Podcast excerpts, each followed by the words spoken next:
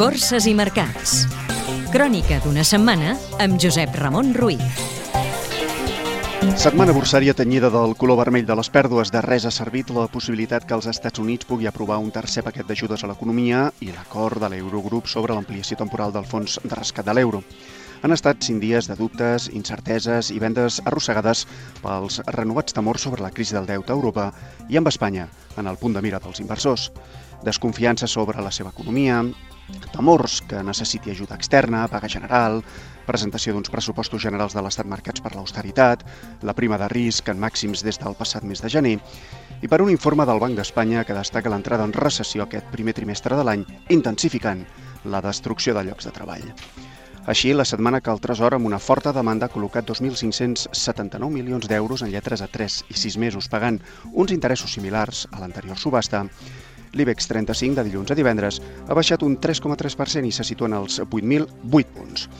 Des de l'1 de gener, la borsa espanyola, que ha tancat el primer trimestre amb la negociació més baixa des de 2004, acumula uns números vermells d'un 6,52%, el pitjor indicador europeu.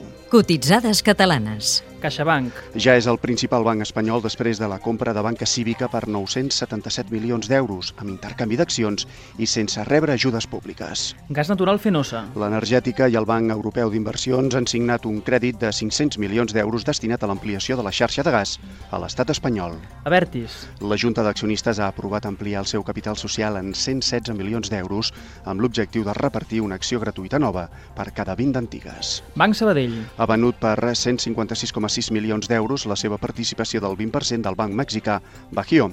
L'entitat catalana ha obtingut unes plusvàlues de 20 milions d'euros. Almirall. Els laboratoris han tancat un acord de cessió dels drets comercials a Espanya d'un fàrmac contra la malaltia pulmonar obstructiva crònica a la firma italiana Menarini per 45 milions d'euros. L'euro. Tot i la debilitat econòmica de la zona de l'euro, la moneda única s'ha apreciat respecte de la divisa nord-americana. Enfortit aquest divendres el Banc Central Europeu n'ha fixat el seu canvi oficial a 1,3356 dòlars. El petroli.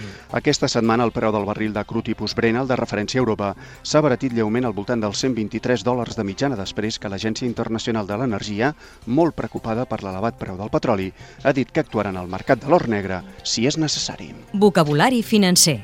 Què són els bonus cap? Són productes d'inversió a mitjà i llarg termini que permeten una posició conservadora en borsa amb un plus de rendibilitat davant les pèrdues. L'inversor no s'endú els dividends de la companyia i, a canvi, no perdre tota la inversió.